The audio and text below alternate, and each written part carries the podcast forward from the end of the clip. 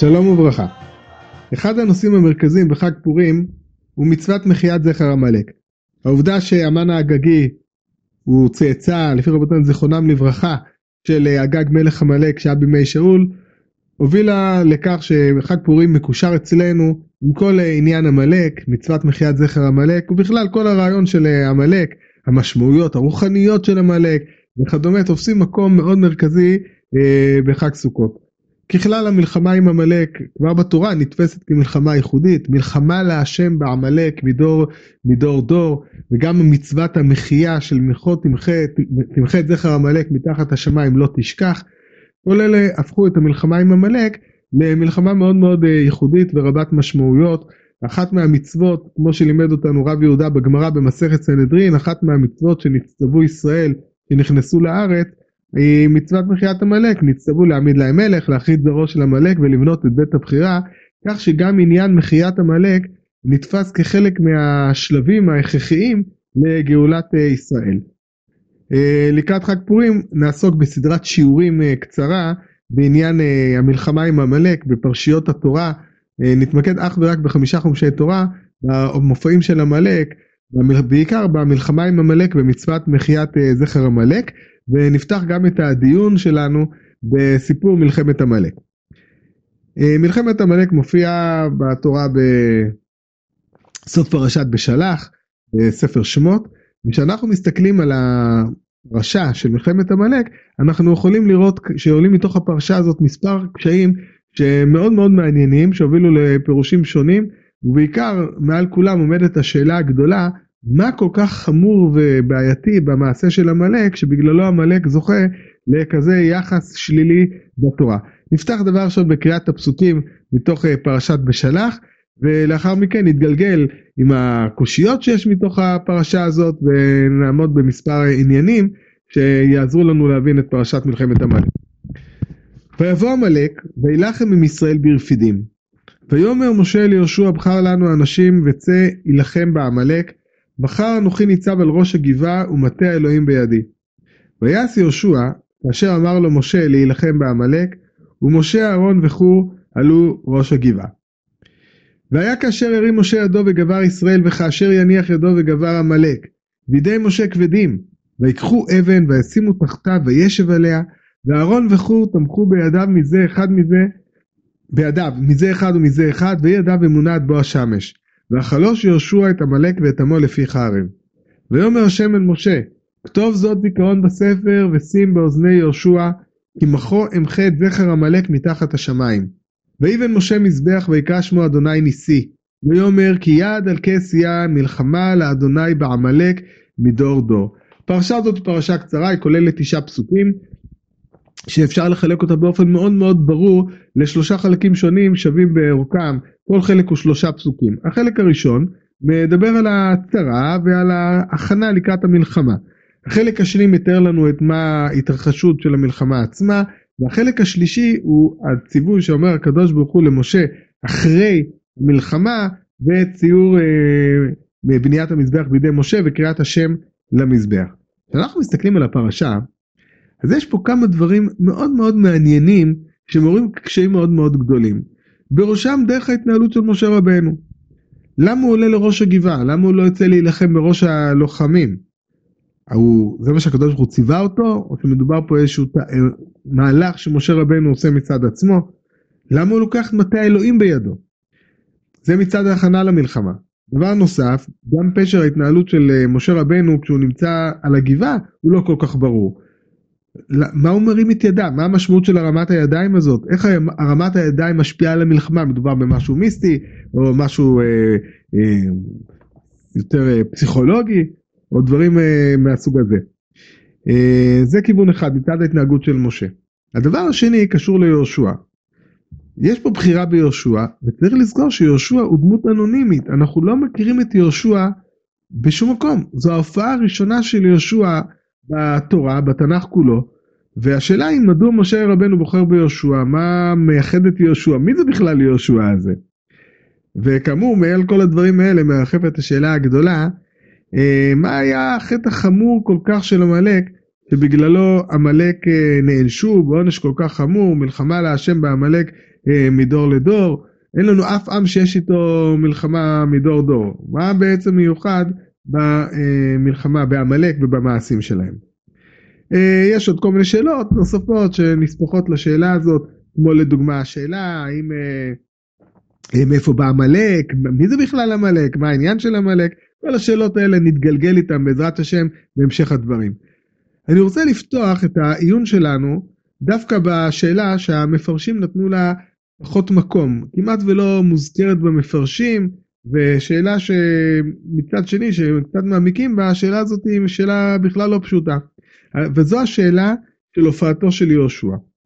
אה, אנחנו עד עכשיו, כמו שאמרנו גם קודם לכן, אין לנו שום ידיעה על יהושע. יהושע הוא דמות נטולת כל אה, עבר, לא ידוע לנו מה עניינו, אפילו לא ידוע לנו פה בתוך הפרשה מה המשפחה שלו. אה, מופיע מבחינתנו יהושע, אפילו לא יהושע בן נון. וזה קצת מוזר שאדם שפה נבחר לכזה תפקיד משמעותי, הוא תופס מקום מאוד מרכזי בפרשה, הוא מופיע ארבע פעמים בפרשה, כולל, וזה אולי הדבר המיוחד, כולל בציווי של הקדוש ברוך הוא למשה, אחרי זה הציווי, כתוב זאת זיכרון בספר ושים באוזני יהושע. אנחנו יכולים לראות שיהושע נתפס גם מבחינת הציווי של הקדוש ברוך הוא באיזשהו מקום אה, מרכזי. והשאלה היא כאמור, מי זה בכלל היהושע הזה? כשאנחנו בוחנים את ההופעות האחרות של יהושע בתורה, השאלה רק הולכת ומתעצמת. כי בכל המקומות האחרים, גם בחומש שמות וגם בספר במדבר, אנחנו יכולים לראות שיהושע הוא לא אנונימי. מזכירים את יהושע, תמיד מזכירים, מה תמיד מזכירים מי זה יהושע. ניקח לדוגמה את uh, ההופעה הבאה של יהושע. יהושע מופיע לנו פעם נוספת בעליית, כאשר uh, בפרשת משפטים, בסוף פרשת משפטים, כשמשה רבנו עולה להר סיני, ושם כתוב, ויקום משה ויהושע משרתו. ועל משה אל הר האלוהים. אנחנו רואים שמזכירים את יהושע, אז מדגישים לנו שהוא משרת משה. דבר שהיינו מצפים אותו במקום שאנחנו לא יודעים מיהו האדם. אה, אותו דבר בפרשת כי תישא. פרשת כי תישא יהושע מופיע, כשמשה רבנו יורד מההר, אז יהושע מופיע איתו שמה, שם הוא מופיע רק כיהושע. אבל אחרי זה, אחרי חטא העגל, אחרי שמשה רבנו אה, שובר את הלוחות ומקים את אוהל מועד, ודיבר השם אל משה פנים אל פנים כאשר ידבר איש אל רעהו, ושב אל המחנה, ומשרתו יהושע בן נון נער לא ימיש מתוך האוהל. כאן אנחנו רואים, גם זה יהושע בן נון, סוף סוף אנחנו יודעים מי הוא אביו, מהי משפחתו, ואנחנו יכולים לדעת שהוא משרת משה ושהוא נער, והוא בעצם לא ימיש מתוך האוהל. לו יצויר שהסיפור של מלחמת עמלק היה מופיע אחרי הדברים האלה, היה מאוד מובן למה לא כתבו לנו על יהושע כלום, רק אומרים לנו ויאמר משה אל יהושע, היינו יודעים במי מדובר, אבל העובדה שאין לנו שום ידיעה על יהושע בפרשת עמלק, ושם הוא כן מופיע, היא באמת שאלה מאוד מאוד כבדה. גם בספר במדבר, כמו שהזכרנו קודם, אנחנו יכולים לראות אה, בספר במדבר, לדוגמה בסיפור של אלדד ומידד, פרשת בעלותך, אז אנחנו רואים, אה, ויען יהושע בן נון משרת משה מבחוריו, ויאמר אדוני משה כלאם. גם כאן, למרות שבספר שמות כבר ידענו, כבר נודע לנו מיהו אה, יהושע, אז גם כאן אנחנו רואים משרת משה מבחוריו. וגם אה, אחרי זה בפרשת שלח, במרגלים, אנחנו בכלל מגלים שקוראים לו קודם, קראו לו קודם הושע, ויקרא משה להושע בן נון יהושע, ושהוא משבט אפרים. בקיצור, כל ההתייחסויות של התורה במקומות האלה ליהושע, אה, מעלה שאלה מאוד מאוד כבדה, למה פה באזכור הראשון של יהושע, בתפקיד כל כך משמעותי שבו הוא מוביל את עם ישראל למלחמה בעמלק, למה במקום הזה יהושע מופיע בצורה מאוד מאוד מאוד חסרת אה, גוון, חסרת תפקיד, שם בשמו אה, יהושע. אה, אז בואו נעבור לדון במלחמה עצמה ונעזר בדברים האלה כדי לדון במלחמה. והאמת שכאשר אנחנו באים לדון במלחמת עמלק, הדיון הוא לא מתחיל במלחמת עמלק, וצריך להתחיל לדון את הדיון הזה הרבה קודם לכן. אנחנו צריכים בעצם לראות את הרקע למלחמת עמלק, והרקע של מלחמת עמלק מתחיל בעצם מהרגע שעם ישראל אה, יוצאים למדבר, דהיינו פרשת בשלח. כשאנחנו מסתכלים על רצף האירועים בפרשת בשלח, אנחנו יכולים לחלק את זה כמובן לשני חלקים ברורים.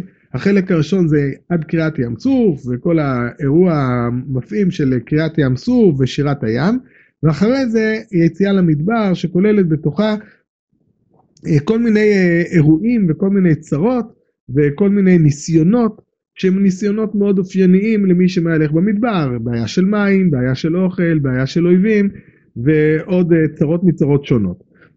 כשאנחנו מסתכלים על האירועים האלה, הדבר המעניין הוא שאנחנו יכולים לזהות דפוס קבוע של האירועים, דפוס שחוזר על עצמו באירועים כמעט באופן אחיד בכל האירועים כולם, ונשתדל לעמוד על הדברים. נפתח דבר ראשון בקריאת ים סוף. כשאנחנו מסתכלים על קריאת ים סוף, אז בואו נראה מה קורה שם. ופרעה הקריב, ויישאו בני ישראל את עיניהם והנה מצרים נוסע אחריהם. ויראו מאוד ויצעקו בני ישראל אל אדוני. ויאמרו אל משה, המבלי אין קברים במצרים לקחתנו למות במדבר? מה זאת עשית לנו להוציאנו ממצרים? הלא זה הדבר שדיברנו אליך במצרים לאמור, חדל ממנו ונעבדה את מצרים, כתוב לנו עבוד את מצרים ממותנו במדבר. ויאמר משה אל העם, אל תיראו, התייצבו ראו את ישועת אדוני אשר יעשה לכם היום, כי אשר ראיתם את מצרים היום לא תוסיפו לראותם עוד עד עולם. אדוני ילחם לכם ואתם תחרישון.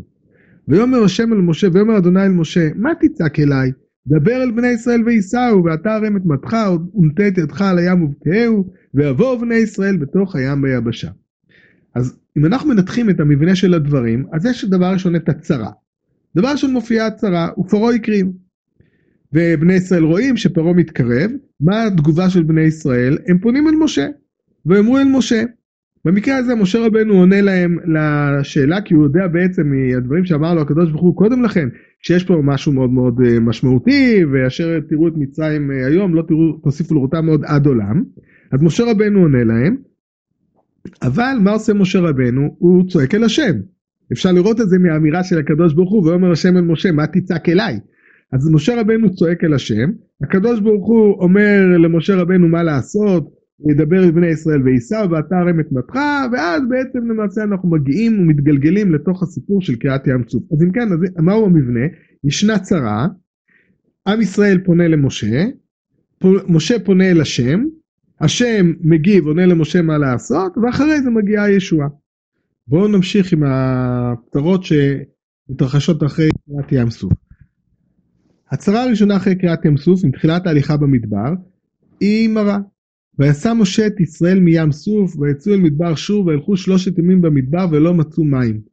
ויבואו מרתה, ולא יכלו לשתות מים ממרה, כי מרים הם, על כן קרא שמה מרה. הנה לפנינו הצרה, יש מים והמים הם מרים.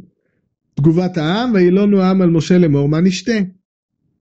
משה פונה אל השם, ויצעק אל השם, ויורהו עץ, וישלך אל המים, וימתקו המים, אז משה צועק אל השם, הקדוש ברוך הוא מגיב, מורה למשה מה לעשות, ואז מגיעה הישועה וימתקו המים. אנחנו שוב רואים שיש את אותו מבנה שראינו לפני קריאת ים סוף. יש צרה, יש תגובה של העם שפונה אל משה, צריך לתת את הדעת, שפה התגובה של העם, של העם שפונה אל משה אה, מעלה את הטון.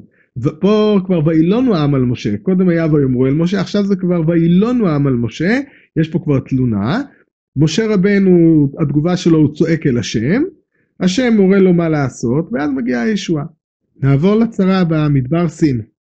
וילונו כל הדת בני ישראל על משה ועל אהרון במדבר, ויאמרו עליהם בני ישראל, מי ייתן מותנו ביד אדוני בארץ מצרים, בשבתנו על סיר הבשר, ואוכלנו לחם לשובע, כי הוצאתם אותנו אל המדבר הזה להמית את כל הקהל הזה ברעב. ויאמר אדוני אל משה, הנני ממטיר לכם לחם מן השמיים, ויצא העם ולקטו דבר יום ביומו, למען אנסינו אהלך בתורתי אם לא. הצהרה פה לא מופיעה במפורש, אנחנו יכולים אבל להבין אותה מתוך התלונה של העם, אין אוכל. מה התגובה של העם? הם מתלוננים אל משה. גם כאן ניתן, ניתן לראות את ההחרפה של הטון. בהצהרה הקודמת במראה, וילונו העם על משה, לעומת זאת פה, וילונו כל הדת בני ישראל. יש פה כולם, זה משהו כולל, כולם באים בתלונות אל משה. לא מפורשת פה הפנייה של משה רבנו להשם, דבר שהוא חריג ביחס למה שראינו עד עכשיו, אבל מה שכן, יש כאן את התגובה של הקדוש ברוך הוא, שהוא עתיד להמטיר לחם מן השמיים. אמנם, אמנם המודל בצרה הזאת הוא מעט חסר, אבל עדיין אנחנו יכולים לראות פחות או יותר שהמרכיבים הם מרכיבים אה, זהים. ועכשיו אנחנו עוברים לצרה שלאחר מכן, בפידים, מסע ומריבה. ויסעו כל עדת בני ישראל ממדבר סין למסם על פי אדוני ויחנו ברפידים ואין מים לשתות העם. הנה הצהרה קיימת, אין מים לשתות. מה התגובה של העם? וירב העם ממשה ואמרו תנו לנו מים ונשתה. כאן אנחנו יכולים לראות שוב החרפה נוספת של הטונים של עם ישראל. הם כבר באים במריבה, הם באים במריבה, הלשון של מריבה היא לשון מאוד מאוד חריפה. משה בהתחלה עודף אותם, אך ואחרי שהם מתלוננים עוד פעם, מה עושה משה? ויצעק משה אל אדוני לאמור מה אעשה לעם הזה עוד מעט הושכלוני. ויאמר אדוני אל משה עבור לפני העם וקח אתכם מזקני ישראל וכולי. אנחנו רואים שוב את המודל שהצגנו קודם באופן מלא.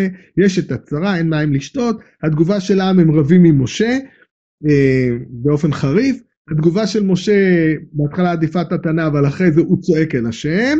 הקדוש ברוך הוא מורה למשה מה לעשות להכות בצור ואז מגיעה התשועה שיוצאים מים מתוך אה, הצור.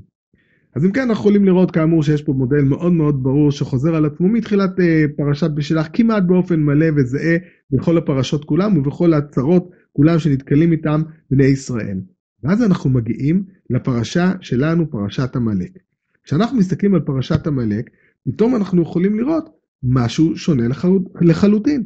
ויבוא עמלק וילחם עם ישראל ברפידים. ויאמר משה אל יהושע בחר לנו אנשים וצא אליכם בעמלק בחר אנוכי ניצב על ראש הגבעה ומטה האלוהים בידי. ויעש יהושע כאשר אמר למשה להילחם בעמלק ומשה אהרון וחור עלו ראש הגבעה. יש לנו צרה העם לא פונה אל משה. משה פונה לא פונה אל השם ויתרה מזאת הקדוש ברוך הוא לא אומר למשה מה לעשות. מדובר פה במשהו דרמטי.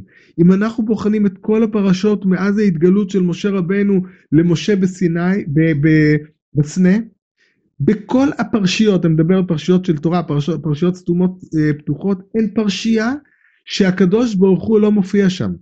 אין פרשה, פרשייה אחת בכל הפרשות מאז התגלות הקדוש ברוך הוא למשה רבנו. והנה כאן אנחנו נמצאים במלחמת עמלק, אירוע מאוד מאוד מאוד קשה, מלחמה, מלחמה ראשונה שעם ישראל נמצא בה. והנה, השם לא מופיע. אין פנייה אל השם, והקדוש ברוך הוא גם לא מורה למשה מה לעשות. הדבר הזה הוא ממש ממש מוזר. אני לא יודע אם משה רבנו פנה אל השם ואמרו לו שהמנוי שאליו חייגת אינו זמין כעת, או שמשה רבנו מבין שאין בכלל מה לפנות אל השם, אבל זה דבר ממש מוזר.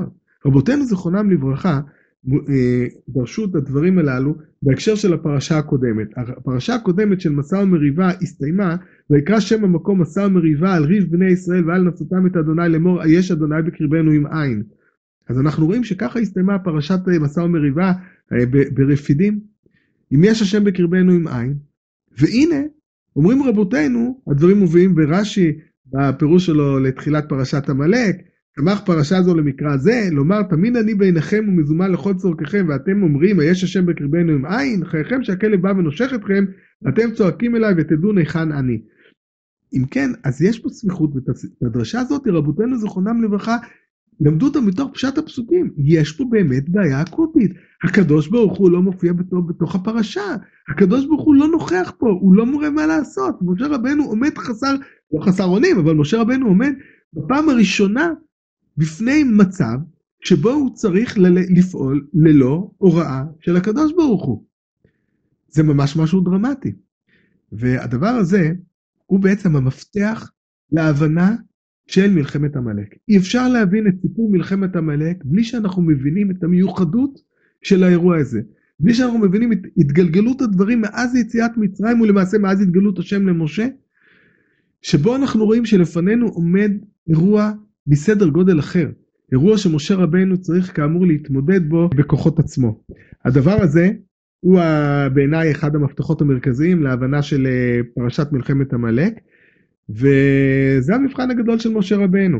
מה משה עשה? איך הדברים האלה קשורים למה שדיברנו קודם, על ההופעה הזאת של יהושע משום מקום, בלי שום ידיעה מי הוא מהו, ואיך הדברים האלה הם המפתח לניצחון גם במלחמה, על כל אלה נדבר בעזרת השם בפרק הבא.